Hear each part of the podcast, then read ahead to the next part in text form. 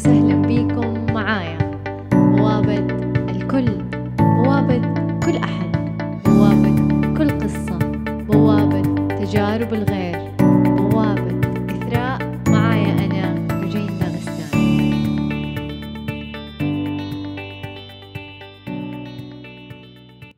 كنت ألاحظ على نفسي الأيام اللي أصحى فيها من النوم للخارج على طول ألاقيني ماني مزبوطة.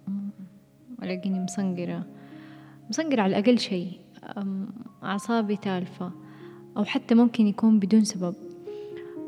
إني فكرة إني أصحى على دوي الحياة على طول. كنت أحس أحس إنه في شيء ناقص. أحس في أفكار ما أترتبت. في كلام ما خرج. في أشياء صغيرة ما أتسوت. لا ما أبغى أواجهكم كلكم. في سكون لسه ما عشته. هذا السكون اللي يرتب لنا المزاج وبالتالي تترتب الحياة إلى حد ما.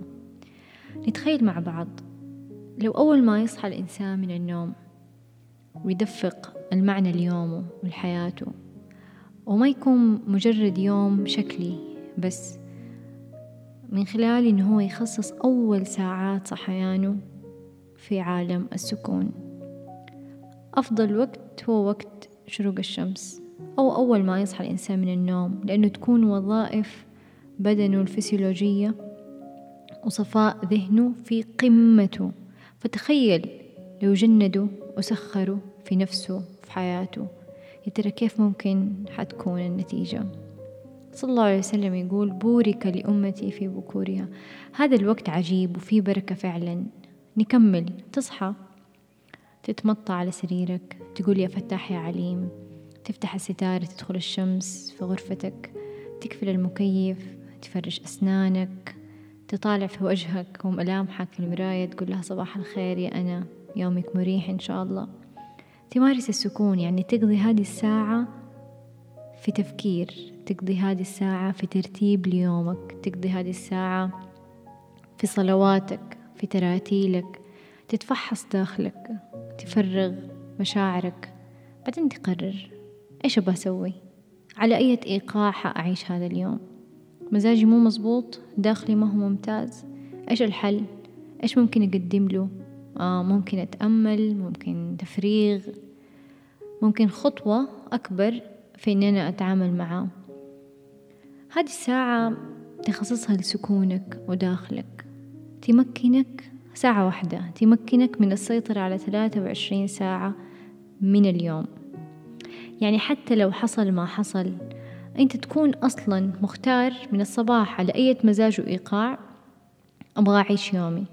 وهذا ما يعني إن إحنا نقاوم الأحداث السلبية أو ممكن ما تكون لا ممكن إنها هي تكون موجودة بس أنت قررت كيف حتتعامل معها وأنت أصلا عندك القدرة على العودة للداخل فترجع تتواصل مع الخارج بشكل أفضل.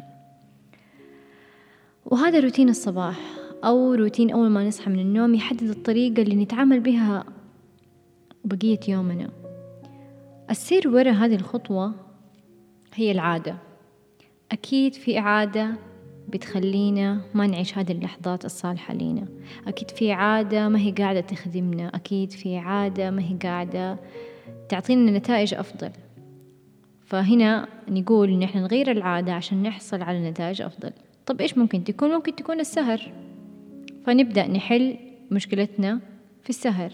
ممكن تكون مسألة أولويات. أنا أقدم الخارج وأحطه أولوية أكثر من نفسي أنا. وفي هذه اللخبطة في الأولويات تتلخبط برضو نتائج الحياة معايا. وفاللي ينتج إنه أنا أتوجه للخارج وأنسى نفسي. وفي زحمة الحياة لا تنسى نصيب نفسك من وقتك معاها من لحظاتك القيمة معاها. لحظاتك تعطيك نتائج أفضل. لحظات مع نفسك تعطيك معنى. تدفق هذا المعنى لحياتك. وممكن ممكن جدا يكون الجوال. الجوال بيدخل معانا غرفة النوم. واحدة من الأدوات القوية اللي تساعدنا في اكتساب عادات جديدة آه وجيدة إن نحن آه نبدأ نغير أشياء في البيئة المحيطة حواليننا. فمثلا نحن عارفين لو الجوال كان موجود معانا معناته بالنا معاه. معناته أول ما نصحى من النوم حتى قبل ما نقوم من السرير حنمد يدنا ونشوف الساعة كم أو نبدأ ندخل في في عالم الجوال وال social media. فيصير الحل إن إحنا نخرجه برا. هذه الخطوة اللي إحنا حنسويها لما حنبدأ نغير في البيئة المحيطة. نخرج الجوال برا غرفة النوم. طب هنا حيجي ونسأل نقول طب مين حيصحينا؟ يا أحد موجود في البيت. أو منبه. نجيب ساعة. نستاهل. نستاهل نعيش لحظات صفاء. نستاهل نعيش هذه اللحظات قبل عواصف الإيميلات والمحادثات والإشعارات والشغل ونداءات العمل وخطوات السعي. نستاهل نعيش ونتواصل مع الداخل قبل الخارج. سميها اللي تبي تسميها. تبي تسميها ساعتي تبي تسميها ساعة السلام ساعة السكون ساعة الاستثمار وقتي مع نفسي. ما تبي تسميها. المهم إنك أنت تخصصها. هي خطوة واحدة. خطوة واحدة لحياة أفضل وأكثر معنى. ساعة استثمار لنفسك.